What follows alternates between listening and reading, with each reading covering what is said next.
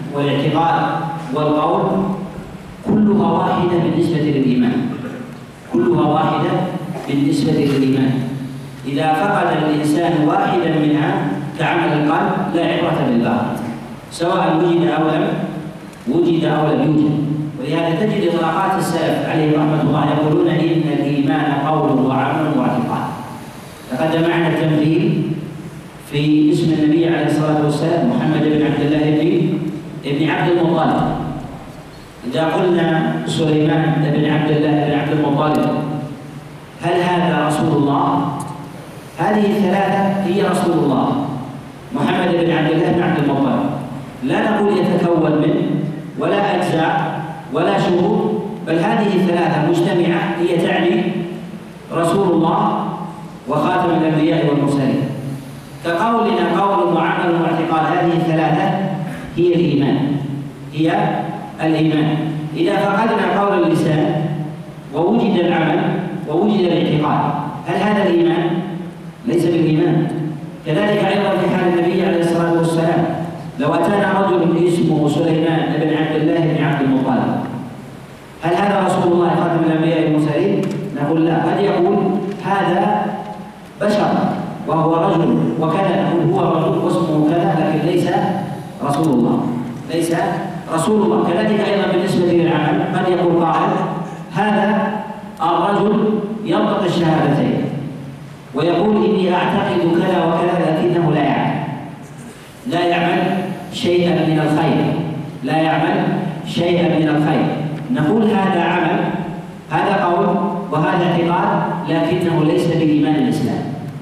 ليس بالإيمان الإسلام الذي جاء به جاء به رسول الله صلى الله عليه وسلم. ولهذا نقول إن الخلل الذي يوجد عند كثير ممن يريد فهم هذه المسألة أنه يجعل هذه الثلاثة إما مركبة من مركبة تركيبا للإيمان أو شروطا أو أجزاء وأقساما وأنواعا فإذا نقص واحد منها قال هذا الإيمان ناقص وقد وجد فيه وقد وجد فيه الثلثان. ونحو ذلك. ولكن نقول إن هذه كلها هي الإيمان. محمد هو كل اسم النبي اسم النبي عليه الصلاة والسلام. وعبد الله هو ابن ابن عبد الله هو كل اسم النبي صلى الله عليه وسلم. كذلك أيضا ابن عبد المطلب هو كل اسم النبي عليه الصلاة والسلام. إذا فقد الإنسان في اسم النبي عليه الصلاة والسلام واحدا من هذه الثلاثة وانتفع انتفى الباقي انتفى الباقي. فإذا جاء رجل يقول محمد بن عبد الله ابن سليمان هذا كقولنا قول كقولنا اعتقاد وقول ولا ولا عمل وقول ولا ولا عمل. لهذا نقول إن هذا هذا اعتقاد وقول وهذا لكنه ليس بإيمان الإسلام الذي جاء به جاءت به الشريعة. وننظر للأمر المفقود ولا ننظر للشيء الموجود. ننظر للأمر المفقود ولا ننظر للشيء الموجود. لأن المفقود الارى الموجود وذلك كحال كثير من الأحوال حتى في مسائل الحدود ونحو ذلك. تجد الإنسان إذا وقع في الزنا أو شرب الخمر أو غير ذلك يقام عليه الحد إذا توفرت الشروط وانتهت الموانع ولا يقام عليه يقام عليه الحد. قد يأتينا رجل يقول يصلي ويزكي ويصوم ويحج ونحو ذلك. هل هذه متصلة بذلك؟ ليست متصلة متصلة بذلك هذه أوجبت حكما. كذلك أيضا مع الخلاف في مسألة الإيمان ونفيه هنا في مسألة القول والعمل والاعتقاد. إذا انتفى العمل انتفى الإيمان. إذا انتفى القول إذا انتفى الاعتقاد انتفى انتفى الإيمان. والطوائف في ذلك في مسألة القول والعمل وكذلك الاعتقاد المخالفه لمنهج الحق كثيرة. وقد زادت في مسائل التنوع الفاضله ونحو ذلك في الازمنه المتأخرة المتأخرة كثيرا والغلاة في ذلك الذين يجعلون يجعلون العبرة بعمل القلب لا بقول اللسان ولا بعمل الجوارح. يقولون إذا وجدت المعرفة القلبية والتصديق القلبي فإن ذلك فإن ذلك كاف في في ثبوت إيمان الإنسان. في ثبوت إيمان الإنسان. وأما بالنسبة للقول فيجعلون ذلك دلالة ظاهرة على إيمانه. يجعلون ذلك دلالة ظاهرة على إيمانه لا هي الإيمان بذاته. لا هي الإيمان بذاته. وهؤلاء ولاة الجمعية الجمع الصفوان الذين يقولون إن الإيمان هو المعرفة. إن الإيمان هو هو المعرفة كان ثمة لوازم لقولهم هذا أن كل من في الأرض ممن من الأمم التي حاربهم الأنبياء وقاتلهم على على نطق الشهادة إيمانا بالله سبحانه وتعالى أن ذلك أن هؤلاء من أهل من أهل الإيمان. ففرعون يعلم أن الله عز وجل واحد ولكنه جاحد كذلك أيضا كفار قريش. الله عز وجل يقول عن قوم موسى وجحدوا بها واستيقنتها أنفسهم ظلما ظلما وعلوا. إذا هم يعلمون بقلوبهم. معرفة قلبية موجودة ولهذا الذي يستدل بالمعرفة القلبية أو بالمعاني الروحانية في معرفة الله عز وجل وتعلق قلبه بالله ومع ذلك لا لا يتوجه إلى إلى الله عز وجل بشيء من العمل ولا ولا بالقول الذي يثبت صحة باطنه هذا لا ينتفع لا ينتفع بما يزعمه من معرفة قلبية من معرفة قلبية. كذلك إبليس. ألا يعلم أن الله عز وجل واحد وأنه هو الخالق وهو الرازق وهو مستحق للعبادة ولكنه معاند ولكنه ولكنه معاند ولهذا يقول موسى عليه السلام عن فرعون لما بان أمره قال لقد علمت ما أنزل هؤلاء الا رب السماوات والارض بصائر واني لاظنك يا فرعون مذكورا لقد علمت اذا انك تعلم ولهذا نقول إن أكثر الأمم لا تنكر وحدانية الله عز وجل وتجحدها ولكنها لا تنفي وحدانية الله عز وجل ولكنها تجحدها ظاهرة. تقول بجحودها وعلى هذا تكون المعرفة القلبية المعرفة القلبية مجردة لا قيمة لا قيمة لها. وأما ما جاء في حديث حذيفة في قوله لا إله إلا الله تنجيهم من النار لا أبدا نقول حديث حذيفة بن اليمان. قال فيه يدرس الإسلام كما يدرس وجه الثوب حتى لا يدرى ما صلاة ولا صيام ولا صدقة. لا يدرى يعني لا يوجد شيء. إذا العمل فقد وسبب فقده الجهل أو العلم. جهل لا يوجد علم ثم عمل ولكنه جاهل ولهذا الشخص الذي يعذر بجهله بعدم معرفته بالاعمال في زمن دروس الإسلام في بلده في بلده ولم يستطع معرفة للأعمال ثم اكتفى ثم اكتفى بالاعتقاد وقول اللسان وحاول أن يعمل فلم يجد عملا. نقول لا إله إلا الله تنجيه من النار.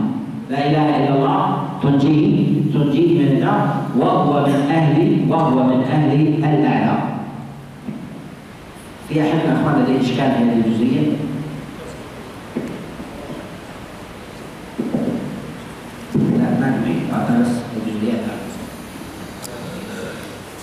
هذه العمل اختيار ثابت لأصل الإيمان. يقول هنا فاقد العمل اختيار هل هو فاقد لأصل الإيمان؟ نقول نعم. فاقد العمل اختيارا فاقد لأصل الإيمان. لماذا؟ لأنه بانتفاء العمل انتفى الإيمان بالكليه انتفى الإيمان الإيمان بالكليه والعمل على ما تقدم الكلام عليه هو العمل الذي جاء به محمد صلى الله عليه وسلم الذي يكون دليلا على إثبات صحة قوله بالايمان بالرساله وهنا موضع خلاف في مسألة كفر تارك الصلاة وكذلك أيضا في ترك العمل بالكلية من غيره ترك العمل بالكلية من غيرها ولهذا نقول إن الإنسان إذا تعامل مع مسألة الإيمان وبهذا تعتبر إذا تعامل مع مسألة الإيمان على أنها قول وعمل واعتقاد وأن هذه الثلاثة هي الإيمان. هذه الثلاثة هي هي الإيمان. ليست أقسام ولا أجزاء. إذا قلنا أقسام كحال الأرض أو كحال البيت الذي يكون من ثلاثة طوابق أو أرض لديها أقسام. إذا نقص قسم ألا تسمى أرض؟ تسمى أرض. البيت إذا نقص شيء منها لا يسمى بيتا. نعم لكن الإيمان هو هذه الثلاثة كلها. هذه الثلاثة كلها. إذا فقد الإيمان واحدا منها انتبه انتبه. ولهذا مثلنا حتى تتضح المسألة. في محمد بن عبد الله بن عبد المطلب. هل هي أجزاء؟ إذا فقدنا اسم أصبح ثلث النبوة. اسمين ثلثي النبوة. حتى نفقد الثلاثة حتى ينتهي لا نقول هذه الثلاثة كلها رسول الله كلها رسول الله اذا انتفى واحد انتفت النبوة ولا تنتفي عن هذا. الشخص انتهت النبوة. لا بد من وجود وجود هذه الثلاثة. كذلك أيضا في مسألة الإيمان قول وعمل واعتقاد. إذا لم يفهم الإنسان مثل هذا الأمر وتوجه إلى قضية الإيمان على أنه أقسام ثلاثة أقسام أو للإيمان ثلاثة شروط وكأنه جعل الإيمان شيء والشروط خارجة عنه. والشروط خارجة خارجة عنه. وإن وجد بعضها فيه كحال شروط الصلاة.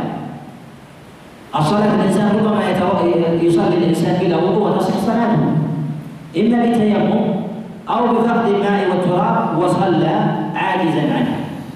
وصلى عاجزا عنها. أو ناسيا لها وبقي على نسيانه إلى يوم الدين. نقول يتقبل الله عز وجل منه ذلك. منه؟ منه ذلك كذلك أيضا في مسألة استقبال القبلة وغير ذلك. ولكن نقول إن إن هذه الثلاثه ليست خارجة عن الإيمان. هي الإيمان. هي؟ هي الإيمان. إذا نقص واحد منها انتبه. انتبه الايمان وأما ما يقول الإنسان نقول هذا اذا الرجل لا ينطق الشهادتين. ما هذه الصلاة التي يصليها؟ ألا تعدها من الإيمان؟ نقول هذه صلاة لكن ليست صلاة الإسلام. كحال هذا الرجل هذا الرجل بجسد كامل ولكنه ليس رسول الله. ليس رسول الله. يشبهه وعلاماته نعم لكنه ليس رسول الله. لأن لأن انتفاء واحد منها انتفاء انتفاء النبوة النبوة عنه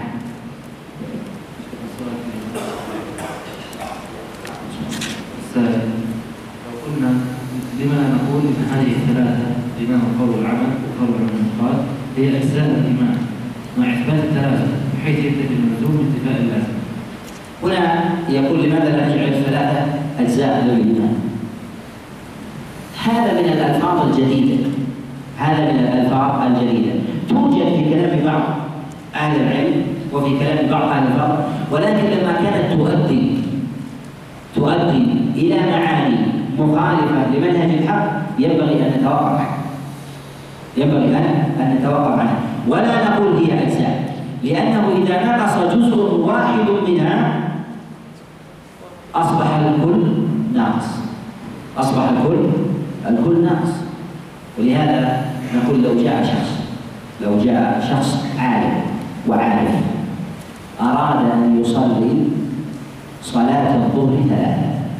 هذه صلاة الظهر ولا ليست صلاة الظهر؟ ها؟ ليست صلاة الظهر. إذا الركعة الأولى والثانية والثالثة والرابعة هي أجزاء أو أقسام أو تتكون من أو كلها صلاة الظهر؟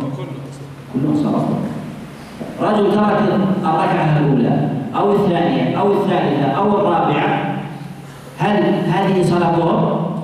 ليست صلاة ما هي؟ نقول هي صلاة مثل هذا نقول هو تصديق لكن ليس تصديق النبي عليه الصلاة والسلام الذي جاء بهذا الوصف بهذا بهذا الوصف ولهذا نقول إن الصدور عن ألفاظ وعبارات لم ترد في الشريعة ولا في كلام السلف الأول هو الذي يجعل لدى الإنسان شيء من تلازم المعاني الجديدة التي تخالف منهج منهج الحق.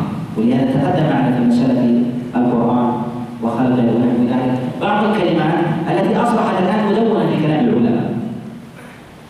كقوله في مسألة لفظ في في مسألة اللفظية على ما تقدم تفصيله كذلك أيضا في مسألة القرآن. كلام الله ليس بمخلوق. في ابتداء هذا الأمر لما بدات دراساته كان العلماء لا يشيرون إلى هذه المسألة ويحذرون حتى مما يطلق عليه الافضل، لماذا؟ لأن هذا سيدعوك إلى أشياء كثيرة. أن تأتي إلى اليد يد الله ليست مخلوقة والبصر ليس بمخلوق، نحن مؤمنون بهذا لا لسنا بحاجه إلى مثل هذا الكلام. لسنا بحاجه إلى مثل هذا الكلام، ولكن شاع عند كثير من الناس في زماننا أنهم يأتون إلى هذه الثلاثة ويقولون هي أجزاء شروط أركان وغير ذلك ثم أخذوا يقيسون على على كثير من التقسيمات سواء كانوا متكلمين أو فقهاء ثم ينظرون إلى انتبه الشرط أو انتبه الركن أو ناقص واحد منها هل هي آه، يعتبر الباقي صحيح وليس بصحيح. ثم ينظرون ويسبرون الشريعة ويبحثون عن عن دلائل وسيجدون دلائل. سيجدون دلائل من المتشابهات بما يؤيدها على ما تقدم كلامه في كلام المتكلمين. من الأشاعرة وغيرهم من الكلاب وغيره حينما تكلم على مسألة على مسألة القرآن قال قالوا هو معنى قائم في نفس الله أوجده الله عز وجل خارج أو كتبه جبريل. هذه عبارات يصيبونها يختلفون في هذا. في القرآن قالوا إن الله عز وجل يقول إنه لقول رسول كريم هذا بعد ما قعدت المسألة بحث عن دليل ستجد شيء. من المتشابهات التي تعود تعود هذا ولهذا تجد كلام السلف الأول في القرون الأولى إذا جاءوا للإيمان يقولون الإيمان قول وعمل واعتقاد. يعني هذه الثلاثة هي الإيمان. ليست أقساما ليست أقساما. انظروا إلى مسألة الأركان. ماذا يقول النبي عليه الصلاة والسلام؟ بني الإسلام على خمس شهادة لا إله إلا الله وأن محمد رسول الله وإقام الصلاة وإيتاء الزكاة وصوم رمضان وحج البيت من استطاع من استطاع إليه إليه سبيلا فجعل هذه أركان. جعل هذه هذه أركان لذلك لذلك البناء. وأما ما يتعلق بمسألة الإيمان فهي قول وعمل واعتقاد هي هذه الثلاثة. كمسألة الصلاة. إذا انتبهت منها ركعة نسميها ظهر. هذه ليست ليست ظهرا. ولو جاء الانسان بركعتين أو جاء بثلاث أو جاء بواحدة لا نقول هذه الصلاة ناقصة تقبل تقبل منه نقول هي مردوده لأنه نقص واحد منها فنقصت كلها وترد وترد على على صاحبه. اتفقنا؟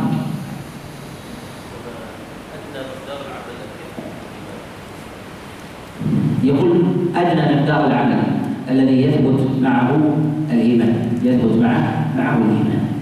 نقول ينبغي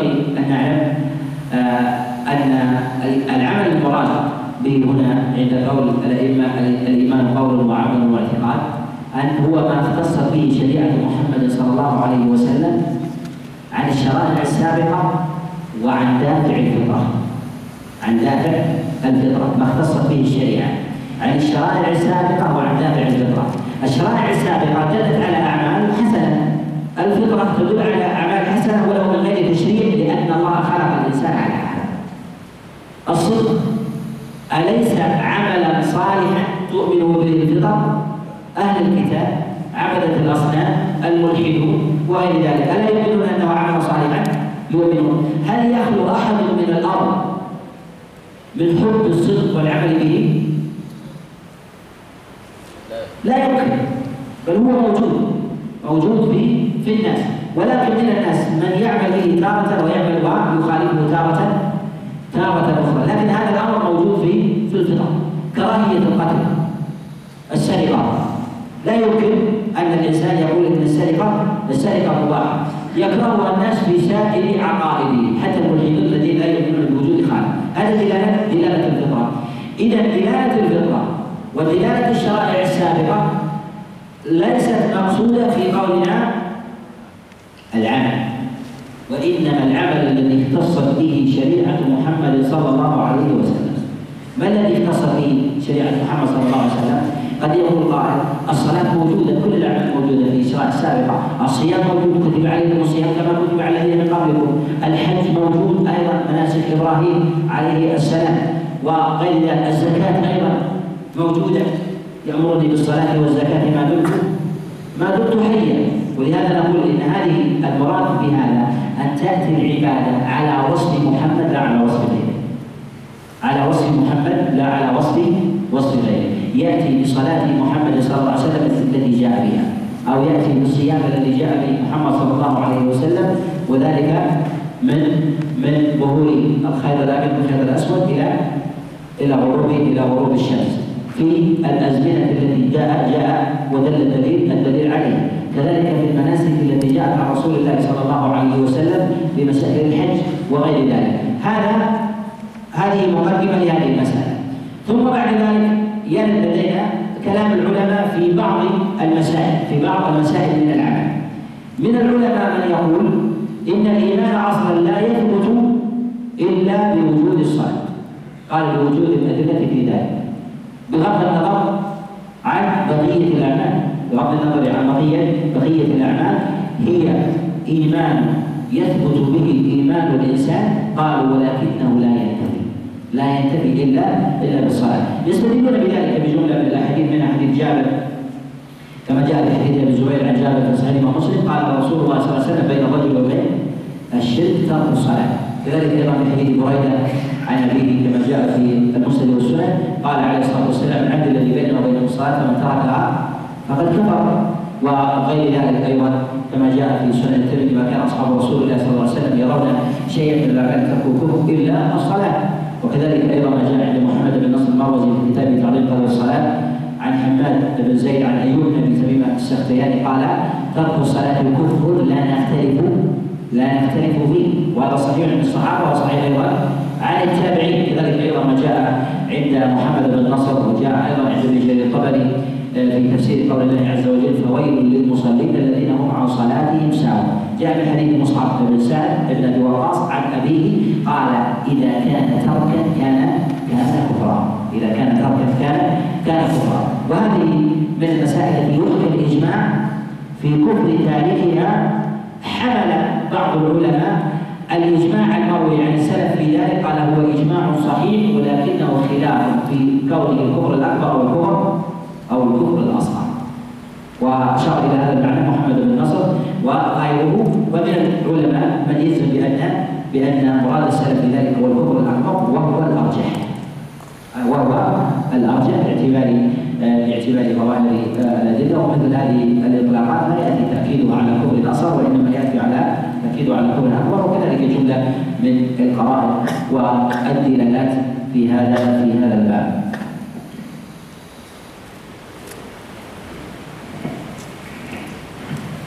قال رحمه الله قال محمد بن علي بن حسن بن شقيق سألت أبا عبد الله أحمد بن حنبل رحمه الله عن الإيمان بمعنى زيادة النقصان فقال حدثنا الحسن بن موسى بسنده إلى عمر إلى إلى عمير بن حبيب قال قال الإيمان يزيد وينقص. فقيل وما زيادته وما نقصانه؟ قال إذا ذكرنا الله فحمدناه وسبحناه فتلك زيادته وإذا غفلنا وضيعنا ونسينا فذلك نقصان. أخبرنا وفي ذكر المصنف رحمه الله لمسألة زيادة الإيمان ونقصانه قبل ذلك نشير إلى بعض الطوائف التي خالفت في مسألة الإيمان وكونه قول وعمل وعمل واعتقاد.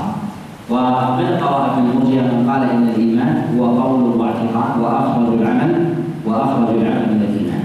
منهم من أخرج العمل من صحة الإيمان وجعله وجعله كمال. قال لا ينتهي به بعدم الإيمان ولكن ينتهي به الكمال. قالوا ينتهي به الكمال وجاء في ذلك عبارات منهم من يقول إنه شرط آه، شرط آه، كمال لا شرط لا شرط صحة وبعضهم يطلق بعض العبارات التي آه، تؤدي في بعض معانيها إلى إلى الوجه الصحيح ولكن قد يكون لها لوازم. ذلك في قولهم إنه شرط شرط صحة وللإيمان. ولكن نقول إن مثل هذه العبارات لسنا بحاجة إليها. نقول إن الإيمان والقول أن القول والعمل والاعتقاد انها هي الإيمان. لا هذا شرط لهذا ولا شرط لهذا. وليست هي شرط للإيمان باعتبار هي الإيمان. باعتبار هي هي الإيمان في في ذاتها حتى نخرج من من كثير من آه، اللوازم. وإنما شددنا في هذا وقد يستدل البعض ويقول إن إن الصلاة جاءت عن النبي عليه الصلاة والسلام ومع ذلك جعل العلماء مثلا الركوع ركن والقيام ركن والسجود ركن ونحو ذلك. نقول إن مثل هذه المسائل هي مسائل فرعية. قد يتجوز فيها الإنسان في في بعض الضوابط ونحو ذلك. ولهذا نجد خلاف كثير من الفقهاء في أمثال هذه التقسيمات. بعد بعد هذه المصطلحات التي تؤدي كثير منها إلى معاني صحيحة ولكن عند بعضهم لها لوازم لها لوازم لا تصح. وهذا التقسيم قرب قرب المعاني إلى إلى الأذهان. ولكن في هذه المسألة حتى تتضح لنا أن نقول إن هذه الثلاثة هي الإيمان. ان هذه الثلاثة هي الإيمان. إذا فقدنا واحدا منها فقدنا الباقي على ما تقدم الكلام عليه. من الإشارة إلى شيء من الأمثلة في هذا في هذا الباب. ومن الطوائف من يقولون من يقولون إن الإيمان هو قول اللسان. هو قول اللسان مجردا سواء وجد إيمان القلب أو وجد عمل الجوارح أو لم أو لم يوجد. وهؤلاء يقولون بالكراميه وهذا أيضا من شر شر الأقوال. وذلك أنهم يكيلون يقولون الباطل. لا يمكن أن يطلع عليه الإنسان ويعرف بالظاهر وبعضهم يقول حتى لو انتبه الباطل. حتى لو انتبه الباطل. وقدر معرفة ذلك فالعبره بالاخذ بالظواهر وبعضهم يجري على ذلك الحساب يوم القيامة يقول عليه يجازى الإنسان ولا يجازى ولا ولا ينظر إلى ما في قلبه وهذا يناقض الفطرة الصحيحة بعدم بالرجوع بوجوب الرجوع إلى البواطن. وكذلك ظواهر النصوص بالرجوع إلى باطن الإنسان في الجسد المضغه اذا صلح صلح الجسد كله واذا فسد فسد الجسد كله. وكذلك أيضا ما جاء في الصحيح إن الله لا ينظر إلى صوركم ولا إلى أجسامكم ولكن ينظر إلى القلوب التي التي في الصدور. والذي يقول إن الإيمان هو المعرفة القلبية أو التصديق القلبي ولو خالف في ذلك اللسان هو أقرب ممن يقول هو القول ولو انتفى لو انتفى الباطل والظاهر من جهة الأعمال فإن الإيمان بذلك صحيح. من يقول بوجود الاعتقاد أقرب منه إلى الحق مع كون هذه هذين القولين هي من الأقوال البعيدة النائية عن الحق.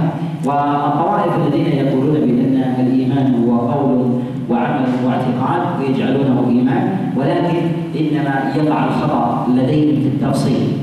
هل هي شروط أو هي واجبات أو هي أو هي أركان أو نحو ذلك بحسب عباراتهم التي يصدرون عنها يقع لديهم شيء من اللوازم في هذا في هذا الباب. ومنهم من ينفي العمل عن كونه شرطا لصحة الإيمان ويقابله أقوام يجعلونه شرط لصحة الإيمان. ونحو هذه العبارات وهذا يجري عليه طوائف كثيرة من مرجئة من مرجئة الفقهاء من مرجئة الفقهاء وهم على طوائف أيضا ومراتب في هذا في هذا الأمر.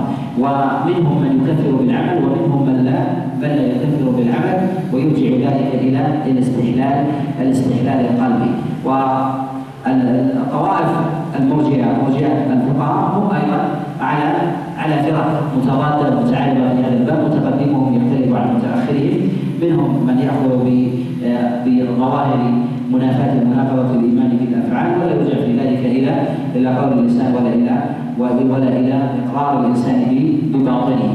نعم. قال رحمه الله أخبرنا أبو الحسن السندي إلى يحيى بن قال سألت عشرة من الفقهاء عن الإيمان فقالوا قول وعمل سألت هشام بن حسان فقال قول وعمل وسألت ابن جريج فقال قول وعمل وسألت سفيان الثوري فقال قول وعمل وسألت المثنى بن الصباح فقال قول وعمل وسألت محمد بن عبد الله بن عبد بن عثمان فقال قول وعمل وسألت محمد بن مسلم الطائفي فقال قول وعمل وسألت فضيل بن عياض فقال قول وعمل وسألت نافع بن عمر الجمحي فقال قول وعمل وسألت سفيان بن عيينة فقال قول وعمل وأخبرنا أبو عمرو بسنده إلى الحميدي قال سمعت سفيان بن عيينة يقول الإيمان قول وعمل يزيد وينقص. فقال له أخوه إبراهيم بن عيينة يا أبا محمد تقول ينقص؟ فقال اسكت يا صبي بلى ينقص حتى لا يبقى منه شيء.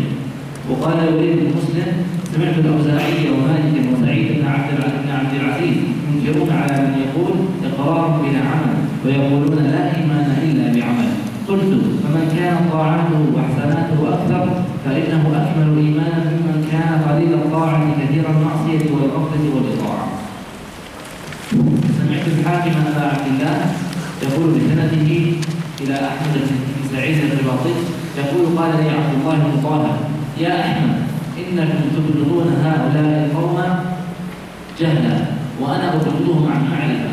إن أول بهم أنهم لا يرون لسلطان طاعة والثاني أنه ليس للإيمان عندهم قدر. والله لا أستجيب أن أقول إيماني كإيمان يحيى بن يحيى ولا ولا كإيمان أحمد بن حنبل وهم يقولون إيماننا كإيمان جبريل وميكائيل.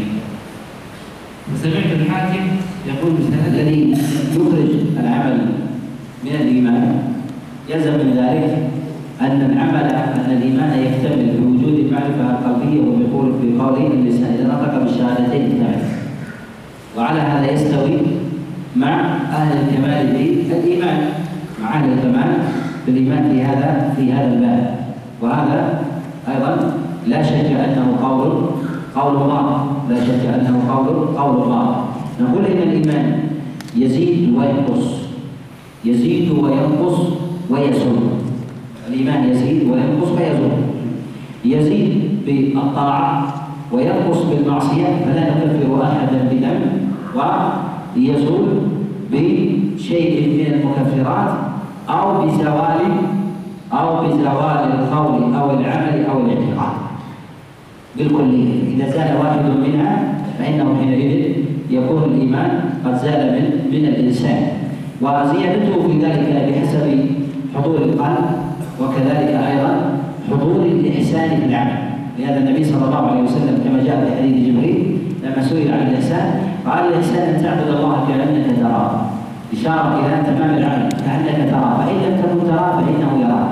وهذا يكون بالإنسان لوجود الرقابة القلبية التي أثرت على كمال العمل في الظاهر الإنسان حينما يعمل عند شخص أجيرا عنده وكان يراه يجد من ضبط العمل والإتقان بخلاف لو كان غائبا غائبا عنه.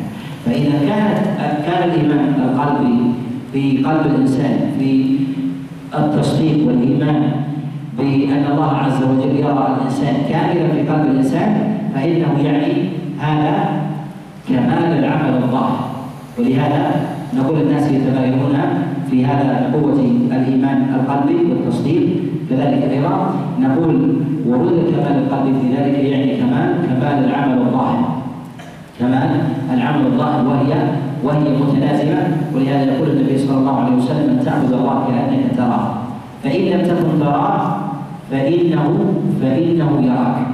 وهذا في قوله يزيد وينقص وكذلك في قوله قول وعمل لا يعني ذلك عدم وجود انتفاء الإيمان وعدم وجود الاعتقاد لأنه هنا ينقل على الأئمة بقول الإيمان قول وعمل الإيمان قول وعمل الإيمان قول وعمل ومن الناس من يستشكل عدم وجود الاعتقاد. نقول إن القول والعمل داخل في يدخل في هذه الثلاثة لأن القلب له قول وعمل. القلب له قول وعمل.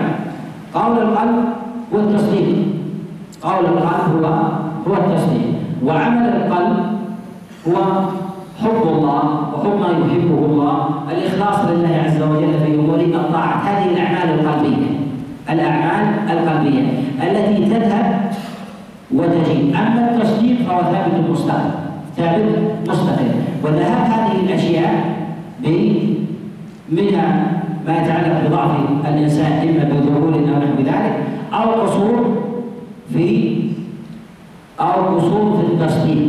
قصور في التصديق. يكون لدى الإنسان تصديق بالله عز وجل وبوجوده وبوحدانيته ولكن تصديقه في ذلك ضعيف.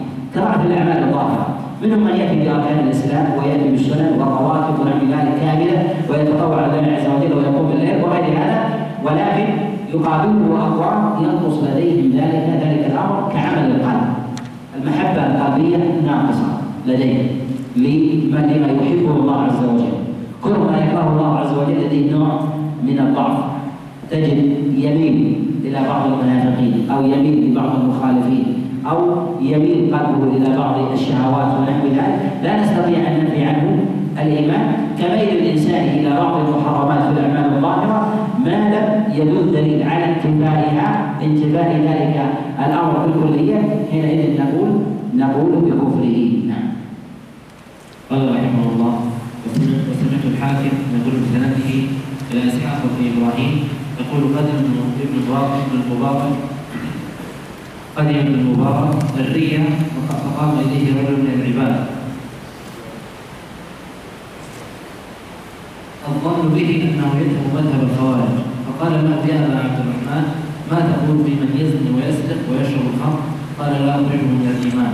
فقال يا فقال يا أبا عبد الرحمن على كبر السن صرت مرجئا فقال لا تقبل المرجئة.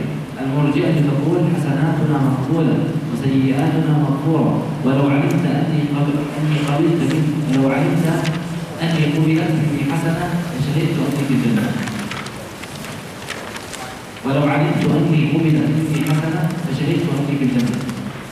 ثم ذكر عن ابن شوذه بسنته إلى مزيد بن شرحبيل قال قال عمر بن الخطاب رضي الله عنه لو وزن الإيمان ابي بكر بإيمان أهل الأرض لرجع سمعت أبا بكر يقول بسنده إلى وهذا يستدل به على أن الإيمان يتباين واذا ما كان أبو بكر عليه رضوان الله في هذه المنزلة؟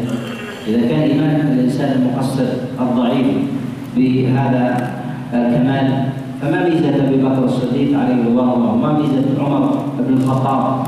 وأيضا ما ميزة الأنبياء في كمال إيمانهم ويقينهم وتصديقهم إذا كان الناس يتساوون في هذا الأمر. فمن نطق بالشهادتين ووجد فيه تصديق القلب وأصل عمل القلب حينئذ يكون إيمانه كايمان سائر الأنبياء لا شك أن هذا أن هذا من المعاني من المعاني والألفاظ الظاهره قال رحمه الله سمعت أبا بكر يقول بسنده إلى حسين بن حرب أخا أحمد بن حرب يقول نشهد أن دين أحمد بن حرب الذي يدين الله به أن الإيمان قول وعمل يزيد وينقص ويعتقد أهل السنة أن المؤمن وإن اذنب ذنوبا كثيره صغائر وكبائر فإنه لا يكفر بها. وإن خرج عن الدنيا غير ذلك منها ومات على التوحيد والإخلاص فإن أمره إلى الله عز وجل. إن شاء عفى عنه وأدخله الجنة يوم القيامة سالما غانما غير مبتلى بالنار ولا معاقبا على على ما ارتكبه واكتسبه ثم استصحبه إلى يوم القيامة من الآثام والاوزار وإن شاء عاقبه وعذبه مبتدا بعذاب النار وإذا عذبه لم يخلده فيها بل أعتقه وأخرجه منها إلى نعيم دار القرار وكان شيخنا سهل بن محمد رحمه الله وهذا ما تؤيده النصوص الكثيرة أنه لا يكفر الإنسان ان تزول حسنات الانسان إلا بالكفر على ما تقدم الكلام الكلام عليه. فكل من اذنب ذنبا أو اسرف على نفسه بمعصية من الكبائر أو الصغائر أو الموبقات لا نحكم بكفره حتى حتى يقع في مكفره وتتوفر فيه الشروط وتنتهي الموانع. فحينئذ يقع يقع عليه عليه حينئذ الكفر. ويستوجب في ذلك عقاب الله سبحانه وتعالى وهو الخلود الخلود في النار. وأما إذا كان دون ذلك وكان من أهل المعاصي والذنوب واسرف على نفسه في هذا ما دام يوجد معه الإيمان يوجد معه الإيمان. وجد الاعتقاد وجد قول اللسان وجد العمل وجد العمل. فحينئذ نقول إنه من أهل الإيمان إذا سلم بشيء من المكفرات.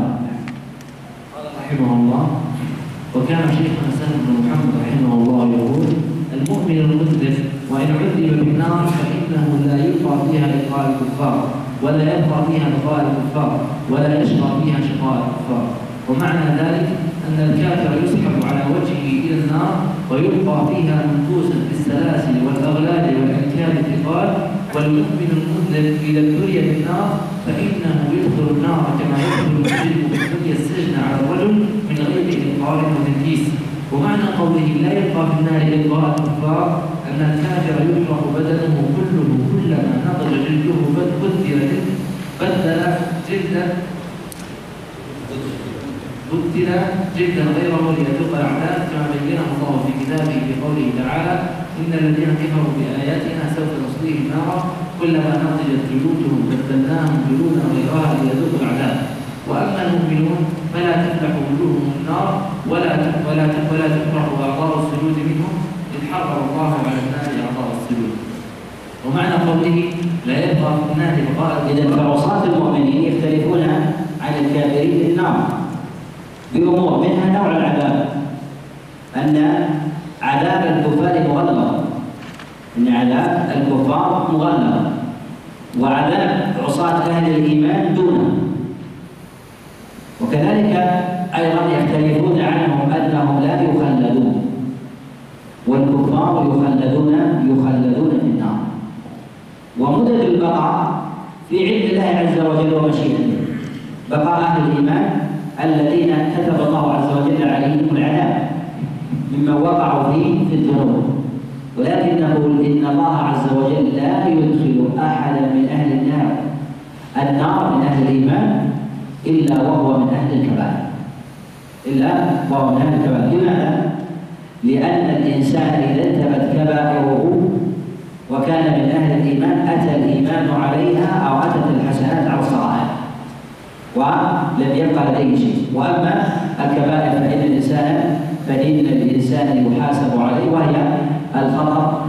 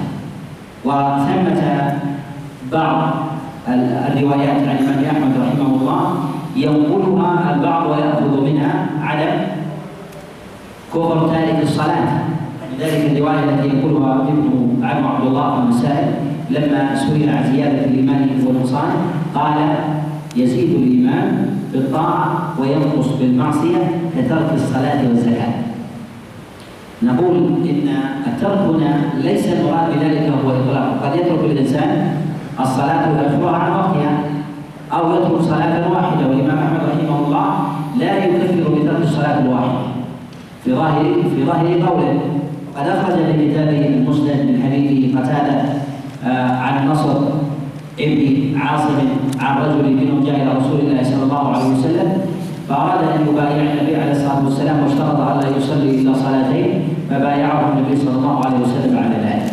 وهذا لم يكن من أهل الإيمان. واشترط بدخوله بالايمان أن يدخل على أن لا يؤدي إلا صلاتين. فاشترط الأداء ما اشترط الإيمان؟ الايمان بها فيؤمن بها خمسا ولكن اداؤه أداؤه على على الصلاتين. وحينئذ نقول إن أدنى ما يكفي على الإنسان كفر تارك الصلاة هو أداؤه للصلاتين. أداؤه للصلاتين فما فما زال. وتركه للواحدة والاثنتين ونحوها لا لا يكفر بذلك. ولكن ينقص ينقص ايمانه لهذا نقول إن الكلام المروي عن الإمام أحمد رحمه الله من المتشابه ينبغي أن يحمل عن المحكى على المحكم. وكذلك أيضا نقل ابن بطه عنه بعدم كفر تارك الصلاة كما ذكره ابن قدامة رحمه الله في كتابه المغني. أما الإمام الشافعي أبو أبو حنيفة أبو حنيفة القول عنه بعدم كون ذلك الصلاة مشهور. وأما الإمام الشافعي رحمه الله فله قولان في هذه في هذه المسألة. والأشهر عنه عدم عدم التكفير قال رحمه الله وتأول الخبر من ترك الصلاة هكذا كما أخبر سبحانه عن يوسف عليه السلام أنه قال إني تركت ملة قوم لا يؤمنون بالله وهم بالآخرة هم كافرون ولم يكن تنفس الكفر ففرقه ولكن تركه جاهلا له. ومن قول أهل السنة والجماعة في أجساد العباد إنها مخلوقة لله تعالى لا يفترون فيه ولا يعبدون من أهل الهدى ودين الحق من ينكر هذا القول ويكفيه. ويشهدون أن الله تعالى يهدي من يشاء دينه ويضل من يشاء عنه. لا حجة لمن الله الله عليه ولا عذر له لديه. قال الله عز وجل قل فلله الحجة البالغة فلو شاء لهداكم أجمعين وقال ولو شئنا لأتينا كل نفس هداها ولكن حق القول مني. الآية. وقال ولقد ذرأنا لجهنم كثيرا من الجن والإنس. الآية. سبحانه خلق الخلق حاجة إليه فجعلهم فريقين فريقا للنعيم فضلا وفريقا للجحيم عدلا وجعل منهم غويا ورشيدا وشقيا وسعيدا وقريبا من رحمته وبعيدا. لا يسأل عما يفعل وهم يسألون. ألا له الخلق والأمر تبارك الله رب العالمين. قال عز وجل كما بدأ تعودون فريقا هدى وفريقا حق عليهم الضلالة. إنهم اتخذوا الشياطين أولياء من دون الله ويحسبون أنهم مهتدون. وقال أولئك ينالهم نصيبهم من الكتاب. قال ابن عباس هو ما سبق لهم من السعادة والشقاوة.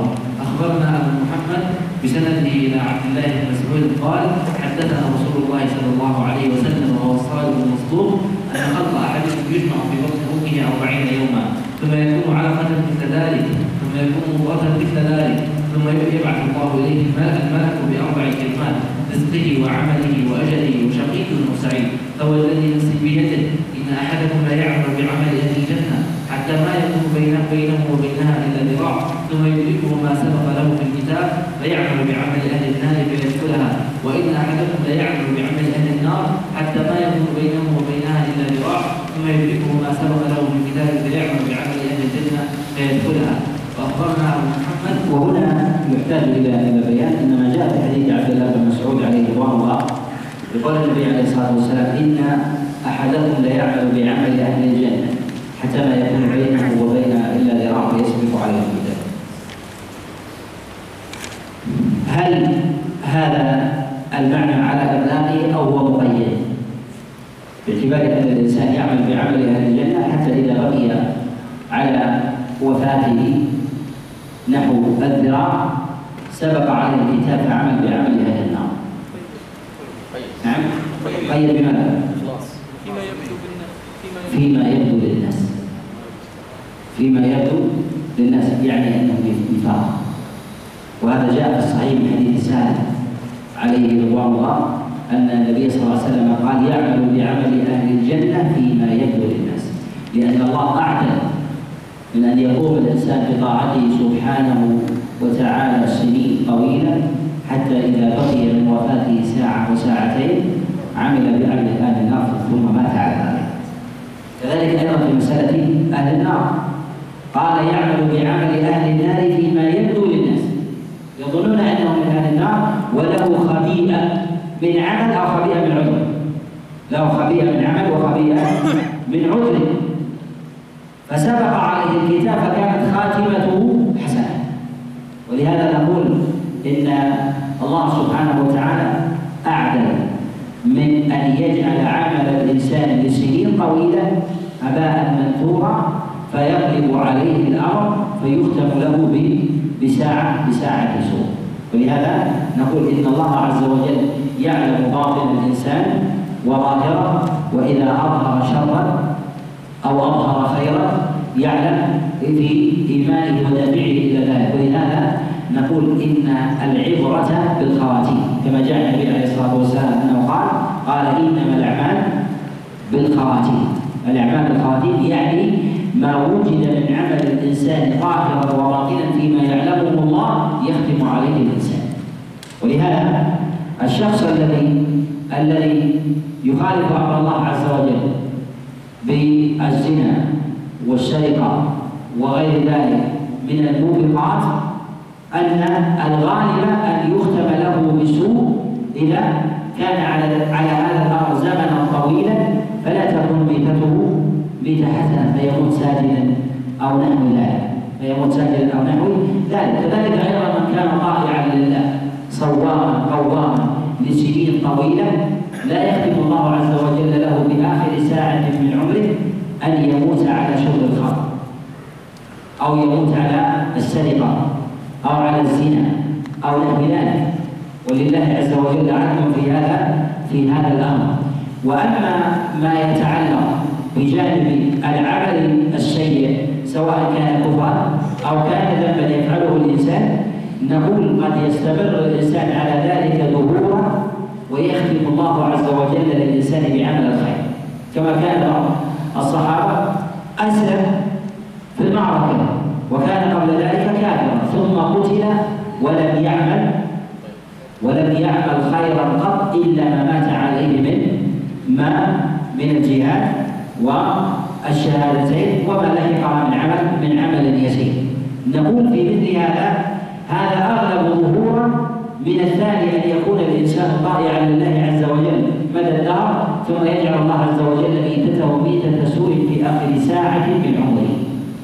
أما الثاني لأن الله عز وجل رحمته سبقت غضبه جل وعلا يختم لعباده الذين كانوا على سوء على عمل صالح في اخر حياتهم أكثر من أكثر من الأول واظهر لأن رحمة الله عز وجل ولطفه آه ولطفه تسبق غضبه سبحانه وتعالى والغالب في الأمرين أن الله عز وجل يجعل أمر الإنسان على ما كان عليه قبل ذلك ولكن يظهر ميتته وخاتمته على ما كان على ما كان عليه مكتملا بعمل الباطن وعمل الظاهر والله عز وجل لا العمل الظاهر مجردا بل إذا صح الظاهر جزي أو جزي الإنسان على عمله الظاهر بالإحسان وإذا فسد باطنه ولو عمل وأحسن في الظاهر فإن عمله الظاهر لا يكون إلا فسادا وبالا عليه بسوء باطنه لأنه فعل ذلك نفاقا. قال أخبرنا أبو محمد اسناده إلى عائشة رضي الله عنها أن رسول الله صلى الله عليه وسلم قال إن الرجل لا يعمل عمل وانه المكتوب الكتاب أنه من أهل النار. فإذا كان عند موته تحول فعمل فعمل بعمل أهل النار فمات فدخل النار. وإن الرجل لا يعمل بعمل أهل النار وإنه لمكتوب في الكتاب أنه من أهل الجنة. فإذا كان قبل موته عمل بعمل أهل الجنة فمات فدخل الجنة. ويشهد أهل السنة ويعتقدون أن الخير والشر والنفع والضر بقضاء الله وقدره. لا مرد لها ولا محيص ولا محيد عنها ولا يصيب المرء إلا ما كتبه له ربه ولو جهل الخلق أن ينفع المرء بما لم يكتبه الله له لم يكن والإيمان بقضاء الله عز وجل وقدره. كما واجب كما في قول النبي صلى الله عليه وسلم لما سأله جبريل عن الإيمان قال الإيمان أن تؤمن بالله وملائكته وكتبه ورسله وبالبعث بعد الموت وبالقدر خيره خيره وشره. والقدر يكون خيرا وشرا كله إلى الله سبحانه وتعالى. ولكن الإنسان لا ينسب الشر منفردا للخالق سبحانه وتعالى ولهذا إن الشر لا ينسب لله سبحانه وتعالى إلا على سبيل قرنه مع الخير. كذلك أيضا يكون على سبيل على سبيل الإرضاء إرضاء الفاعل. ولهذا تأدبت الجن مع الله سبحانه وتعالى فقال إنا لا ندري أشر أريد بمن في الأرض. أم أراد بهم ربهم رشدا؟ أفضل الفاعل عند ذكر الشر تأدب مع الله. وأما بالنسبة للخير أظهر الفاعل وإنا لا ندري أشر أريد بمن في الأرض وفي الخير أم أراد بهم ربهم رشدا؟ أراد الله عز وجل بهم خيرا. ولهذا نقول إن الله سبحانه وتعالى لا يقدر لعبده المؤمن شرا إلا إذ اختار الإنسان أن يجعل ذلك الأمر شرا باختياره. لهذا يقول النبي عليه الصلاة والسلام كما جاء في مسلم حديث سوائب قال عجبا لأمر المؤمن.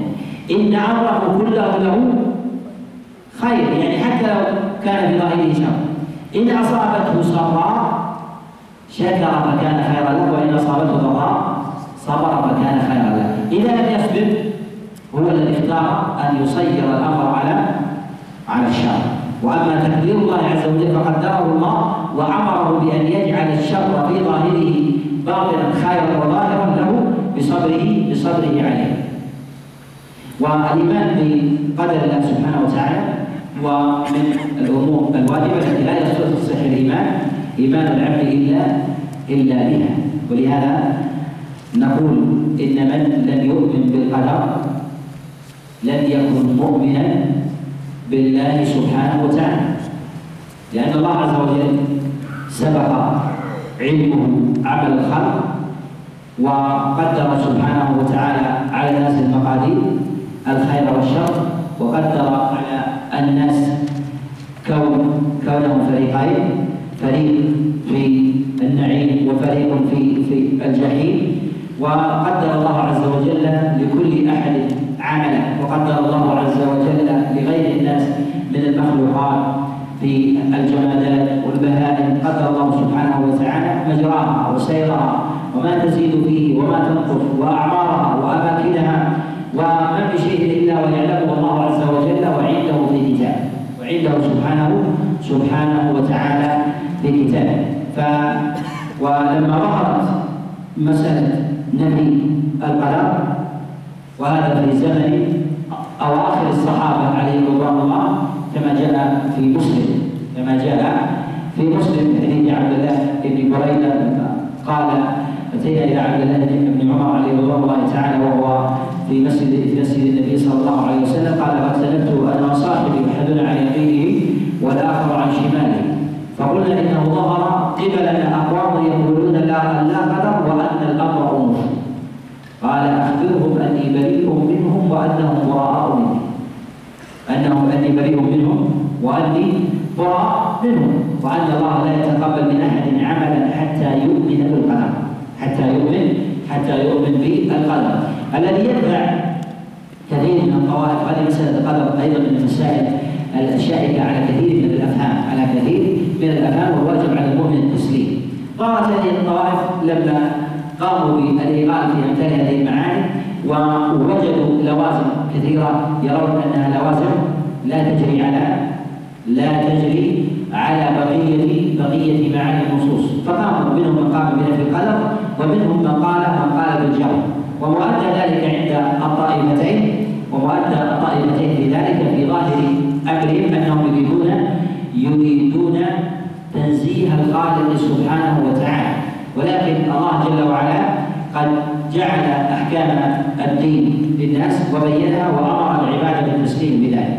ومسألة القدر وإجراء الكون ومعرفة الغيب وما يأتي بعد ذلك من تقدير من تقدير الأشياء للخالق هذا من الأمور المشكلة حتى عند كثير من الطوائف التي لا تؤمن بالنبوات سواء آمنت بالنبوات أو غيرها. فتجد أن البابليين يقولون فيما يتعلق بتقدير المقادير للمخلوقات يؤمنون ب بتأليه الكواكب فيجعلون لكل كوكب تصريف في جانب من جوانب من جوانب الكون. فيؤمنون بأن هذا يصرف ذلك الأمر وهذا يصرف ذلك الأمر فيكون بينها نوع من من التداخل والتناسب والتنازع بالتصرف في هذا في هذا الكون. ولهذا هذا يريدون من ذلك حلا لما يجدونه من إشكال في معرفة في معرفة القدر وتقديره. وأما ما يتعلق بالفرس وأضرابهم الذين يقولون إن بتعدد الآن خالقين خالق آه، بإله الشر وإله وإله الخير. فيجعلون مقادير الخير؟ لإله الخير وما يتعلق بمقادير الشر لإله لإله لإله الشر. وهي النور النور والظلمة. وغير ذلك من الأقوال المعروفة عنهم. وأما بالنسبة لفلاسفة الهند فإنهم يجعلون إله القدر إلها خاصا يسمونه الكارما. يجعلون إله القدر خاصا منفكا عن معبوده هو الذي يقدر يقدر المقادير ويقوم ب ويقوم بتصريفها. كذلك أيضا ما يتعلق باليونان وفلاسفتهم في هذا الباب. منهم من يحاول التنزيه يؤمن بوجود الخالق ولكن ولكن يتحيرون في مسألة تقدير الشر على أناس على أناس يرتضون أمره يرتضون أمره ويسأل أقوام لا يرتضون لا يرتضون أمره فيجعلون الخالق خارج تدبير الكون. خارج تدبير الكون. وعلى هذا يجري أفلاطون وكذلك أيضا آه، سقراط وكذلك أرسطو. يجعلون أن الخالق موجود ولكنه أوجد الكون وأحدث قانون السببية الحتمية. ثم بعد ذلك الناس يجرون في هذه المعادلة والخالق بعيد عنه. ويقولون إن الله عز وجل من أن يقدر لعباده أمثال هذه هذه الحوادث أمثال هذه الحوادث. قالوا فالله عز وجل خلق الكون ثم ثم تركه على معادلة يجري يجري عليها الناس. وهذا جرى بعد ذلك تعظيم العقل والحفظ والاحتياط بكثير من الأمور وعدم التسليم به بتدخل الخالق. ولهذا ضعف عند الفلاسفه التعلق بالخالق بالخالق سبحانه سبحانه وتعالى. وهؤلاء منهم من يؤمن بخالق يختلف عن الخالق الآخر من جهة حقيقته وماهيته ونحو ذلك. هذه مسألة هي مسألة القدر وحكمة الله عز وجل ودقائق الغيب هذه من المعاني التي يجب على الإنسان أن يسلم بها. وبحث كثير من دقائقها المسكوت عنها في الشريعة هو الواجب ولهذا يقول ابن تيمية رحمه الله يقول هذه المساله مزلة الأفهام مضلة الأفهام ومزلة الأقدام ويقول عليه رحمة الله ما من أحد من الناس إلا وفي قلبه حسنة من هذه المسألة. وهي مسألة مسألة القدر وقال ذلك أيضا أبو حنيفة عليه عليه رحمة الله. يقول هذه مسألة مقفلة وضاع مفتاحها. يعني البحث في هذا يحتاج إلى علم الغيب وهي قدر. والبحث عن مثل هذه الأمور المغيبة هو خارج إدراك الإنسان. يقول ونظر الإنسان فيها يزيده تحيرا كشمس الظهيره إذا نظر الإنسان كلما ازداد نظرا ازداد تحيرا. ازداد ازداد تحيرا. لماذا؟ لأن آلة إدراكه العقلية وحاسته العقلية كحاسته البصرية إذا نظر لشمس لشمس الظهيره زادته ألما وتحيرا. كذلك إذا نظر عقله إلى شمس الحقيقة زاد تحيرا. تحيرا وعزا وهذا لضعفه وهذا لضعفه. فواجبه في ذلك أن يسلم الأمر لله سبحانه وتعالى وان يؤمن أن الله عز وجل قدر المقادير على على خلقه سبحانه وتعالى خيرا خيرا وشرا. ولكن الله جل وعلا لا يقدر لعباده إلا إلا الخير وجعل لهم مشيئة. وهداهم الله عز وجل السبيل منهم من يريد الخير ومنهم من يريد من يريد الشر ولهذا نقول إن الإيمان بالقدر وأن الله عز وجل قدر مقادير الخلائق وأن الله سبحانه وتعالى يعلم ما كان ويعلم ما يكون ويعلم ما سيكون ويعلم ما لم يكن لو كان كيف كيف يكون حتى ما يسمى بعلم المستحيل. بعلم المستحيل لو قدر الله عز وجل وجوده. ولهذا نقول فيما يتعلق بمسألة آه، والذي يتكلم عليه المتكلمون مسألة السببية أو قانون الحتمية ونحو ذلك وإيقان المعتزلة في هذا آه، الباب وخلاف المعتزلة مع الأشاعرة في هذه المسألة وفي مسألة الكسب وخلافهم في أهل آه، السنة لعله يأتي الكلام عليه بإذن الله تعالى.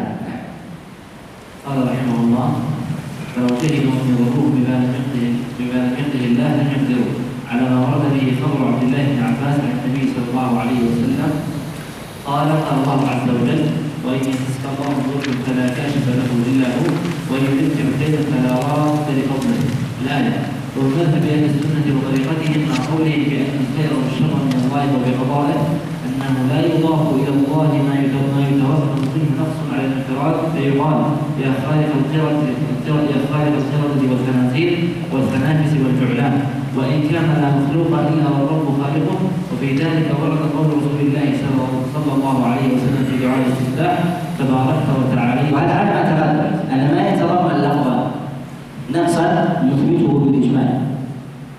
وأما ما يتضمن نسبته لله عز وجل مدحا لا حرج من إثباته بالتفصيل كقولنا خالق السمع والبصر ومصور الإنسان ومدور الكواكب والأفلاك ومجري السحاب والرياح والفلك التي تجري في البحر وغير ذلك من الأمور التي يستعظمها الإنسان. دخول فيها في مسائل التفصيل هذا من الأمور الحسنة أما ذكر ما يوجد في الكون من مخلوقات الله عز وجل التي يستقبحها الإنسان نسبتها على سبيل التفصيل وإن كانت صحيحة المعنى إلا أنها لا تجوز لأنها تتضمن تتضمن نقصا تتضمن نقصا على سبيل الانفراد وإنما يثبتها خلق الله عز وجل المخلوقات وإذا جاء من ينفيها من خلق؟ العذراء كل الله. إذا جاء من ينفيها أو يسأل عنها نثبتها في هذا الأمر ونثبت الجميع الله سبحانه وتعالى. خلقه الله. معناه والله اعلم والشر ليس مما يضاف اليه افرادا وقصدا حتى يقال حتى يقال لك في المناداه يا خالق الشر ويا مقدر الشر. وإن كان هو الخالق والمقدر لهما جميعا. لذلك أمر الخضر عليه السلام إرادة العين إلى نفسه. فقال فيما أخبر الله عنه في قوله أما السفينة فكانت لمساكين يعملون في البحر فاردت ان اعيبها ولما ذكر الخير والبر والرحمه اضاف ارادتهما ارادتها إلى الله عز وجل فقال فاراد ربك ان يبلغ ان يبلغ اشدهما ويستخرج كنزهما رحمه من ربه ولذلك قال مثل عن إبراهيم عليه السلام انه قال واذا نبته فهو يشفيه فاضاف المرض إلى نفسه والشفاء إلى ربه وان كان الجميع منه ومن مذهب أهل السنة والجماعة أن الله عز وجل مريد لجميع أعمال العباد خيرها وشرها ولم يمكن أحد إلا والقواعد في هذا في هذا الباب في مسألة القضاء والقدر وغير ذلك وعلى تقدم الإشارة إليه أن كثيرا من القواعد قبل الإسلام كانت في ضلال في هذا في هذا الأمر. وجلهم يؤمن بوجود بوجود تقدير لكن منهم من يجري على طريقة الجبر أن الله عز وجل جبر العباد على شيء وأنهم لا مشيئة لهم ولا اختيار. و ولهذا نقول إن المشركين في الجاهلية لديهم جبر يقولون الكفار قريش وغيرهم يثبتون يثبتون القدر ولكن على الجبر يقولون إن العباد يجبرون على هذا. ولهذا الله عز وجل يقول في كتابه العظيم وإذا فعلوا فاحشة قالوا الله أمرنا بها. وهذا و فنقول إن المشركين في كفار كفار قريش إنهم على هذه على هذه العقيدة. حتى جاء الإسلام فأثبت القدر وأثبت للعبد للعبد مشيئة. المتكلمون الأوائل من الفلاسفة من اليونان والرومان وغيرهم يثبتون أن الله عز وجل هو الخالق ولكن لا يجعلون له تصرفا في الكون ثم جرى تبع لذلك تعظيم العقل. تعظيم العقل. وأشهر هذه المدرسة أرسطو في هذا. ثم جرى على ذلك تلامذته وتبعه أيضا بعض الفلاسفة المنتسبين للإسلام. بعض الفلاسفة المنتسبين للإسلام الذين يسمون بالمشايين أرسطو حينما كان يدرس فلسفته. كان يجري معه تلامذته يسيرون معه ذهابا ومجيئا يعني يعلم التلاميذ وهو وهو في مسيره. فكان التلاميذ يسمون بالمشايين يعني يمشون معه ويأخذون منه العلم من تبع ارسطو في فلسفته من مساله القضاء والقدر سموا أيضا بالمشايخ ولو كانوا من فلاسفه الإسلام وذلك كابن سينا والفارابي والكندي وابن رشد وغيرهم الذين جروا على مثل هذا هذه الفلسفة الذين قالوا إن الله عز وجل خلق الخلق. خلق الخلق. وأوجد قانون السببية هي معادلات معادلات الحوادث التي تكون. قالوا فإن الإنسان إذا أراد أن يحدث شيئا فعل وهذه الفعله معادلة. لابد أن يحدث تحدث في ذلك النتيجة. وجرى جروا على هذا الأمر فجعلوا الإنسان خالقا لفعله. خالقا خالقا لفعله. وهذا جرى عليه أيضا جملة من من آه، الفلاسفة أيضا حتى المعاصرين. ولكن نقول إن الأدلة في كلام الله وكلام رسول الله صلى الله عليه وسلم مع إثبات أن الله عز وجل الخالق وهو المقدر للحوادث إلا أن الله عز وجل أثبت أثبت لعباده مشيئة. أثبت لعباده مشيئة. وإذا كان الإنسان مجبورا فما الفائدة منه؟ فما الفائدة من إرسال الرسل وانزال الكتب؟ إذا كان الإنسان يقدر عليه هذا الأمر. وأما ما يتعلق بالمعتزلة وهم الذين يقولون إن الله عز وجل لم يقدر على عباده المقادير. وقالوا إن العباد يخلقون أفعالا يخلقون أفعالا. و وحملهم على ذلك جرهم على أصولهم في هذا لأن لهم أصول ومنها العدل. قالوا العدل يعني أن الله عز وجل لا يقدر على عباده السيئات ثم يعاقبهم عليها. ومقتضى ذلك أن ننفي القدر قالوا لا يقدر الله عز وجل على شيء. ولازم ذلك أن ينفوا العلم أن ينفوا علم الله سبحانه وتعالى بالحوادث لأن العلم الدقيق بحوادث الكون وتنقلها وأحوالها وتطوراتها فيما تأتي يلزم من ذلك أن لا يعلم إلا ما قدرها إلا ما قدرها فالعلم الكامل في ذلك فالعلم الكامل في ذلك يرجع إلى المقدر والخالق. لأنه لا يعلم الشيء بتفصيله على سبيل الكمال إلا من صنعه ووضعه. إلا من صنع ووضعه. فالعلم لازم للقدر والقدر لازم للعلم. فالعلم لازم للقدر والقدر لازم للعلم. فمن نفى هذا نفى نفى هذا. لا يمكن أن يقدر الله عز وجل للخلق المقادير وهو لا يعلم. تعالى الله عز وجل عن ذلك ولا يمكن أن يعلم الله عز وجل مقادير وأحوال الكائنات فيما يأتي إلى قيام إلى قيام الساعة ثم لم يكن هو الذي قدرها فأن أتى العلم بمثل هذا التفصيل بالدقائق بتحول الأجزاء وانتقالها وتحول المادة وخلق الكون ونحو ذلك بمثل هذه الدقائق ثم لم يكن هو الذي هو الذي قدر إما أن يكون العلم مكتسب من غيره تعالى الله عز وجل عن ذلك أو يكون هو الذي خلق وقدر ويعلم ما خلق وقدر ولهذا الله عز وجل يقول ألا يعلم من خلق؟ لأنه هو الذي خلقها فلخلقه لها علم سبحانه وتعالى علم سبحانه وتعالى أحوالها. لأن لأنه هو سبحانه وتعالى هو الصانع لهذه لهذه الأشياء. الأشاعرة واتباع آه، بالحسن الأشعري في هذه المسألة أرادوا أن يتوسطوا بين بين مذهب المعتزلة وبين مذهب أهل السنة فجاءوا بمسألة بمسألة الكسب. ومسألة الكسب في هذا هي من جهة الحقيقة جبر هي جبر و و وإن كانوا يحاولون أن يتلاعبوا بالألفاظ ونحو ذلك وأن يخرجوا من قول المعتزله أن العبد يخلق فعله. يقولون الله عز وجل هو الخالق. لكنهم يعطلون يعطلون قانون السببية. عند المتكلمين يسمى بقانون السببية، قانون السببية المعادلات. أنه يلزم من هذا أن يحدث أن يحدث هذا. فالإنسان إذا أراد أن يقتل أحدا ضربه بسهم أو برصاص أو نحو ذلك فإنه يرضيه قليلا إذا أتى إذا أتى في مقتل. هم يقولون هذا ليس ليس سببا لذلك ليس سببا لذلك ولكن الله عز وجل أوجده كما أوجد الضرب قال أوجد الله الضرب ثم أوجد الله القتل. فإذا أراد الإنسان أن يفعل شيئا إذا أراد الإنسان أن يفعل شيئا أوجد الله عز وجل فعله وأوجد أثره على حد سواء. قال وليس للعبد في ذلك أثر. وهذا فيه مناقضة للعقل وكذلك أيضا فيه تعطيل لإحكام الله عز وجل للكون لإحكام الله عز وجل للكون في هذا الباب. ومنهج المعتزلة في هذا الباب هو أقرب إلى الفهم واستيعاب العقل من منهج من منهج الأشاعرة في هذا في هذا الباب. فهم يقولون مثلا في مسألة السببية.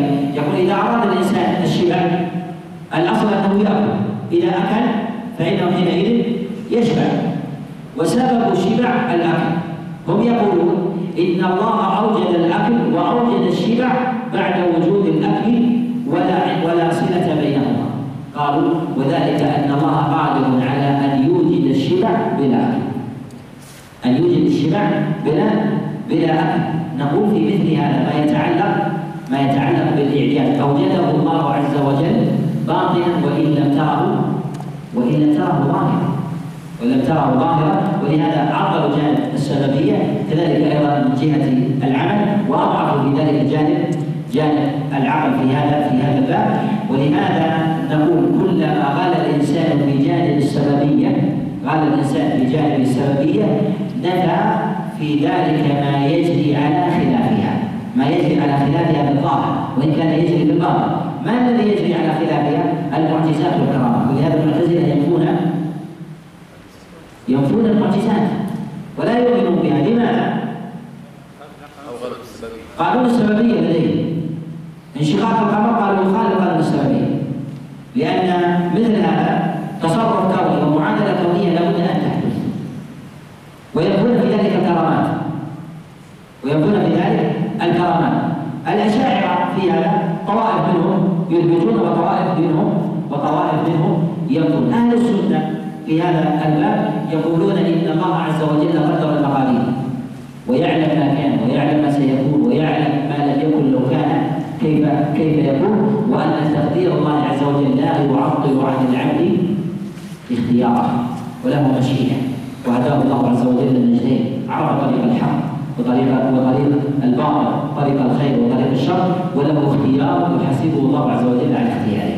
ولهذا يقول الله عز وجل وما كنا معذبين حتى نبعث نبعث رسولا في هذا إشارة إلى أن للرسول أثر على العمل على اختيار الإنسان. وما تشاءون إلا أن يشاء الله فللإنسان مشيئة ولكنها بعد مشيئة الله سبحانه وتعالى وهذا هو عبد الله.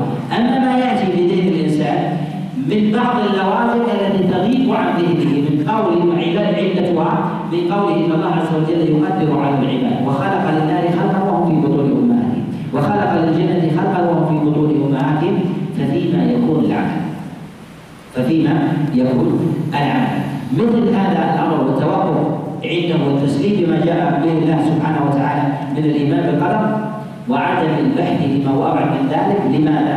لأن عقل الإنسان لا يدركه. ولهذا كما قال أبو حنيفة يقول هذه المسألة مسألة مقفلة ضاعة مفتاح ومقفلة على الأذهان استيعابا وأبعد من ذلك. حكم الله عز وجل من الأمور صعبة. ولهذا نقول هذه المسألة تتكل على قدم التسليم على قدم التسليم. وهذا يدرك أنه يوجد في نفوس بعض الناس من عدم استيعاب كثير من العلم. وهنا يتميز أهل الإيمان الحق والصدق لهذا ابن تيميه على ما تقدم الكلام عنه انه يقول ما من أحد إلا وفي قلبه حسنة. من هذه من هذه المسألة وقد زلت في هذه المسألة آه، الأقدام وظلت فيها ظلت فيها الأفهام وكفر بها بسببها أقوام الكتب. ولهذا نقول إن كثيرا من الحكم لا يدركها لا يدركها الإنسان بضعف عقله. كما الإنسان في مسألة نظره للشمس الظاهرة ينظر إليها الإنسان ثم يرجع كأن بصره حينما لسعته الشمس انقبض عنه. وما يجد الإنسان أيضا في عقله إذا تأمل بعض القضايا كأنها ورد الشمس يقوم بالكماش. لماذا؟ لأنه استوعب لا تستطيع أن تستوعب إذا عدمت النظر احترق. إذا عدمت النظر احترق. ولو أردت أن تدرك كل علل الكون فما الفرق بين الخالق والمخلوق؟ ما الفرق بينك وبين الله؟ أين مجال تسليم الطاعة؟ إذا أردت أن يعلمك الله عز وجل بما بما أوجده الله عز وجل في الكون كله وأن تعلم علته فما الفضل في مسألة الإيمان لك؟ وما الفرق حينئذ بين علم الخالق والمخلوق سبحانه سبحانه وتعالى قال رحمه الله ومن مذهب أهل السنة والجماعة ان الله عز وجل مريد بجميع أعمال العباد ولم يؤمن أحد إلا بمشيئته ولو شاء لجعل الناس امه واحدة ولو شاء ألا يعصى ما خلق إبليس. فكفر الكافرين وإيمان المؤمنين بقضائه سبحانه وتعالى بتقديره وإرادته ومشيئته أراد كل ذلك وشاءه وقضاه. ويرضى الإيمان ويرضى الإيمان والطاعة. ويرضى الإيمان والطاعة. ويسمح الكفر والمعصيه قال الله عز وجل إن تكفروا فإن الله غني عنكم ولا يرضى لعباده الكفر. والعجب لمن ينفي علم الله عز وجل بالقدر أنه يدعو الله أن يقدر له الخير ويكفيه الشر. فأي شيء يقدره الله عز وجل لك في المستقبل وأنت تنفي قدر الله سبحانه وتعالى عصر فإذا ولهذا نقول إن الإيمان بالقضاء والقدر متلازم مع مع جميع أجزاء الإيمان. ومع القربات والتعلق بالله سبحانه وتعالى. قال رحمه الله ويعتقد ويشهد أصحاب الحديث؟ أن عواقب العباد مبهمة. لا يدري احد بما يكتب بما يكتب له ولا يحكمون لواحد بعينه أنه من أهل الجنة ولا يحكمون على أحد بعينه أنه من أهل النار لأن ذلك مغيب عنهم لا يعرفون على ما يموت عليه الإنسان. ولذلك يقولون إنا مؤمنون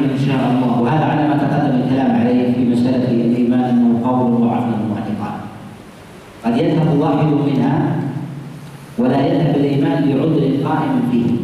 لعذر قائم قائم فيه. وهذا العذر يعلمه الله عز وجل. وقد يوجد واحد منها ولا يقبله الله عز وجل من العبد انتفاء الباطل ولهذا لا يشهد لأحد بجنة ولا بنار بعينه إلا من شهد له شهد له الله عز وجل ورسوله صلى الله عليه وسلم. وإنما نكل امره إلى الله ونحسن الظن بالله سبحانه وتعالى أن يجعل عاقبته إلى خير. وكذلك أيضا في شهادة الناس للإنسان بالخير والإحسان والفضل. فهذا أيضا من إحسان الظن والفعل وشهادة الناس للانسان بالشر والذنب ونحو ذلك أيضا هي من شهادتهم له بالسوء ولا يقطع بذلك. ولكن يؤخذ من ذلك تفاؤلا وسوء عاقبة الإنسان في حسب ما يشتهر ويفيض ويستفيض عنه ولكن هذا لا ينفي أن نشهد لكل كافر بالنار ولكل مؤمن بالجنه إما دخولها ابتداء أو أو انتهاء بعد بعد ما يقدره الله عز وجل عليه من من حساب وعقاب. وأما هذه المسألة فنتكلم على قضيه على قضية الاعيان ولهذا الرجل الذي قاتل مع رسول الله كما في الصحيح فقال أحد الصحابة عليهم الله إنه رجل من أهل الجنة فقال النبي عليه الصلاة والسلام من أهل النار. هذا هم الصحابة وهم في القتال. والسبب في ذلك أنه في علم الله عز وجل أنه يقتل يقتل نفسه. لهذا نقول لا يدري الإنسان ما يختم للإنسان عليه وكذلك أيضا ما يبطله الإنسان من امور فربما أمر خيرا. وكانت نيته لغير الله الله عز وجل ينظر بالبواطن والظواهر على حد سواء. قال ويشهدون لمن مات على الإسلام أن عاقبته الجنه فإن الذين سبق القضاء عليهم من الله يعذبون بالنار مدة لذنوبهم لذنوبهم التي اكتسبوها ولم يتوبوا منها فإنهم يردون أخيرا إلى الجنة ولا يبقى أحد في النار من المسلمين فضلا من الله ومنه ومن مات والعياذ بالله على الكفر فمرده إلى النار لا يخلو منها ولا يكون لمقامه فيها منتهى. فأما الذين شهد لهم رسول الله صلى الله عليه وسلم من أصحابه بأعيانهم فإن أصحاب الحديث يشهدون لهم بذلك. تصديقا منهم للرسول صلى الله عليه وسلم فيما ذكره ووعده لهم فإنه صلى الله عليه وسلم لم يشهد لهم إلا فيها لم يشهد لهم فيها إلا بعد أن عرف ذلك. والله تعالى أطلع رسوله صلى الله عليه وسلم على مشاهد غيبه وبيان ذلك في قوله تعالى عالم الغيب فلا يقدر على غيبه أحدا إلا من ارتضى بالرسول وقد بشر صلى الله عليه وسلم عشرة من أصحابه بالجنة وهم أبو بكر وعمر وعثمان وعلي وطلحة والزبير وعبد الرحمن بن عوف وسعد وسعيد وأبو عبيدة الجراح. وكذلك قال ثابت بن قيس بن شماس إنه من أهل الجنة قال أنس بن مالك فلقد كان يمشي بين ظهرنا ونحن نقول إنه من أهل الجنة. وشهد النبي عليه الصلاة والسلام لكثير من الرجال والنساء من أصحابه أنهم من أهل الجنة. شهد النبي عليه الصلاة والسلام لخديجة لفاطمة الحسن حسين وكاشة وبلال وغيرهم وغيرهم من أصحابه ممن؟ ممن ليسوا من العشرة ونشهد من شهد له رسول الله صلى الله عليه وسلم بالجنة بعينه. ومن شهد النبي صلى الله عليه وسلم لجمهوره نشهد لجمهوره. وذلك لحال من كان مع رسول الله صلى الله عليه وسلم من الصحابة عليهم رضوان الله. نشهد لهم بالخير على سبيل الاجمال فنقول الصحابة في الجنة. فنقول الصحابة في الجنة. ولا نخصص أحدا بعينه إلا من خصه رسول الله صلى الله عليه وسلم. لماذا قلنا الصحابه؟ لأن الله عز وجل رضي عنهم ورضوا عنه. فمن تحققت فيه الصحبة وهذا لو تحقق فيه فإنه إن شاء الله من أهل من أهل الجنة. ومن انتفى عنه ذلك ذلك الوصف فإنه حينئذ خارج ذلك ذلك الإطلاق. قال رحمه الله ويشهدون ويعتقدون أن أفضل أصحاب رسول الله صلى الله عليه وسلم واله أبو بكر ثم عمر ثم عثمان ثم علي انهم الخلفاء الراشدون الذين ذكرهم رسول الله صلى الله عليه وسلم خلافتهم بقوله فيما رواه.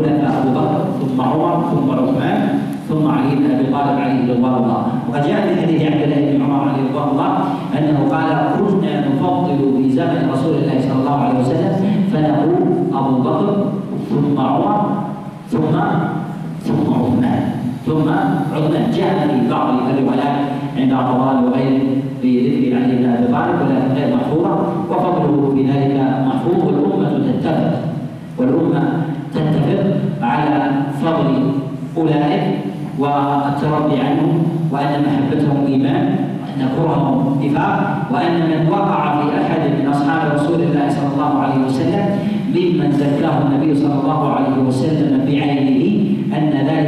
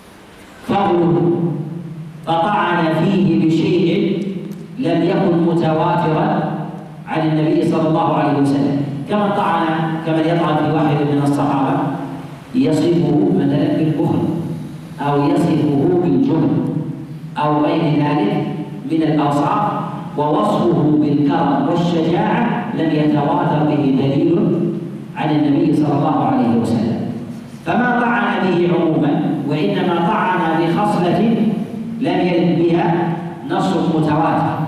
ولكن ذلك لا يعفي من لا يعفي الإنسان من وجوب الإمساك عنه. ونقول إن هذا يحكم عليه بالبدعة. يحكم عليه بالبدعة والضلال. يحكم عليه بالبدعة والضلال. والغالب في حال من طعن في الصحابة أن من طعن في واحد طعن في غيره. ومن تجرأ على واحد تجرأ على على غيره. وحينما نقول إنه يجب على الإنسان في قضية الصحابة عليهم رضوان الله أن يترضى عنهم وأن يذكر مناقبهم ومحامدهم وأن يذكر فضلهم وأن يمسك عما يبلغ مما مما صح أو لم يصح من باب أولى أن يمسك عن المثالب الوالده الوالده عنه لماذا؟ لانهم في طبقة يتقدمون ويفضلون غيره. والمفضول لا يتكلم بالفاضل الابن حينما يرى من أبيه زلة ما هو الأدب الذي يتكلم معه؟ ألا يتكلم معه بلين ورفق وإذا اشترك معه غيره في هذه الزلة اشترك مع أبيه أحد من الناس تجد أن عبارته تتباين وتختلف ولا تختلف. تختلف لأن مقام البلوه عند مقام الأبوة مقام تواضع واحترام وانكسار للفضل والصحابة عليهم رضوان الله تعالى لهم فضل على هذه الأمة فهم نقلة الوحي. نقلة الوحي. نحن نتعبد الله عز وجل سبحانه وتعالى بكثير من الأحكام جاءت عنه. فكيف نصلي وكيف نصوم وكيف نزكي إلا بنقل أولئك؟ حفظوا القرآن في صدورهم وحفظوا السنة في صدورهم. ومن استطاع دون ذلك ثم نقلوه لمن جاء بعدهم فجعل الله عز وجل حفظ دينه بسببهم عليه رضوان الله تعالى. وإذا طعنا في اولئك فإننا نطعن ضمنا بالشريعة. نطعن ضمنا بالشريعة. وحينما نقول ذلك لا ندعي العصمة لهم كما يقول في ذلك طوائف أهل الضلال من الرافضة وغيرهم لا ندعي العصمة لهم بل نقول إنهم يخطئون. أنهم يخطئون. ويذنبون وخطأهم وذنبهم مع وجوده أنه لا يغير من فضلهم بل فضل أدناهم عليه عليهم رضوان الله تعالى يفوق فضل من جاء من جاء بعدهم من أفاضل من أفاضلهم ولهذا سئل ابن المبارك عليه رحمة الله يقول أيهما أفضل عمر بن عبد العزيز أو معاوية بن أبي سفيان. قال له بار في أنف معاوية مع رسول الله صلى الله عليه وسلم خير من عمر عمر عمر بن عبد العزيز كله. لماذا؟ لأنه كان مع صفوة الخلق عليه الصلاة والسلام. فوجود الواحد منهم ولو تكثيرا لسواد النبي عليه الصلاة والسلام تكثيرا ولو لم يعمل أهيب لرسول الله صلى الله عليه وسلم وأقوى في تثبيت الحق والإيمان. وكذلك أيضا ردع أهل الكفر والضلال والفضل الذي جعله الله عز وجل للصحابة كثير من الناس يظن أنه في العمل اللازم بل من الأمور المتعدية التي حفظ الله عز وجل بها بها الدين وأتم بها النعمة ومكن الله عز وجل لرسوله. وكثير من الأعمال التي تفعلها الأمة كانت لجمهور الصحابة عليهم الله تعالى في ذلك حماية لرسول الله وحماية للدين. النبي عليه الصلاة والسلام أما أتم شعائر الدين بعون الله عز وجل وتسديده وجعل أولئك سببا لإكمال الدين. أما ذهب رسول الله صلى الله عليه وسلم إلى مكة فاتحا وحج رسول الله صلى الله عليه وسلم حجة الوداع والحج ركن من أركان الإسلام وكان معه الصحابة ومنهم من يطوف وغاية عمل أنه يطوف وكان مطبعا وراملا يهيئ الكفار مثل هذه الأمور التي تمكن لرسول الله صلى الله عليه وسلم شريعة قد يراها الإنسان هينة وهي عند الله عز وجل تثبت الدين إلى قيام الساعة. تثبت الدين إلى قيام إلى قيام الساعة. فالله عز وجل يعلم من حاله ويعلم أيضا من تفصيل بعضهم أو ورود الخطأ الخطأ عليهم ومع ذلك زكاهم الله عز وجل. على سبيل الإجمال ورضي عنهم سبحانه وتعالى ورضوا ورضوا عنه. وأما ما يقوله البعض من الوقيعة في الصحابة أن هذا ثابت في التاريخ.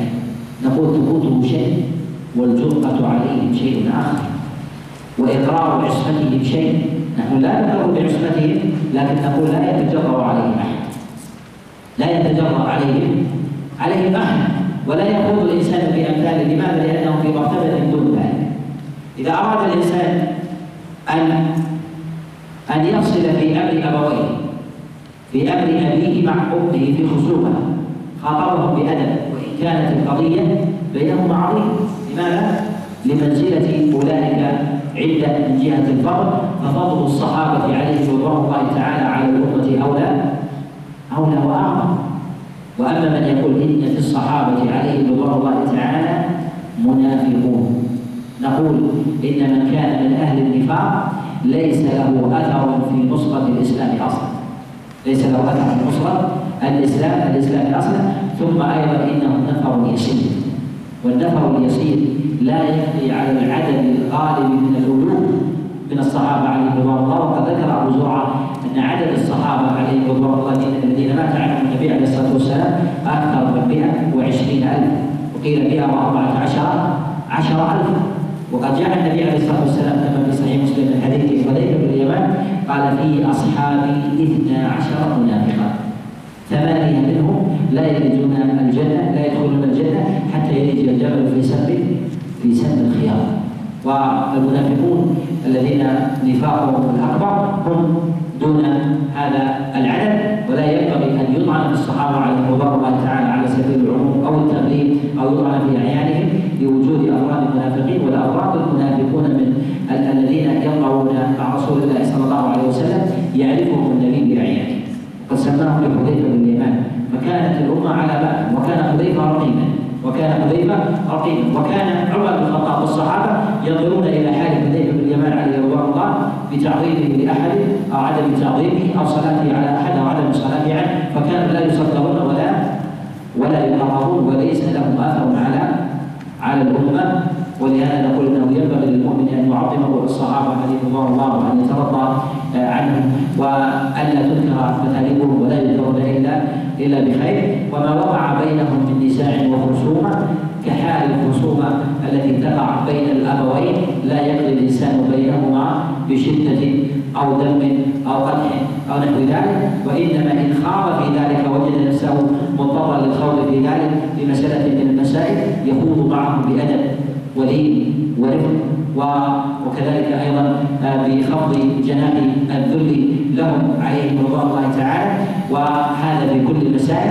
وما وقع بينهم أيضا من خصومه وقع بين أناس آه، بين أناس قاضين لا يقضي بينهم في من جاء من جاء بعدهم ممن كان كان دون ذلك.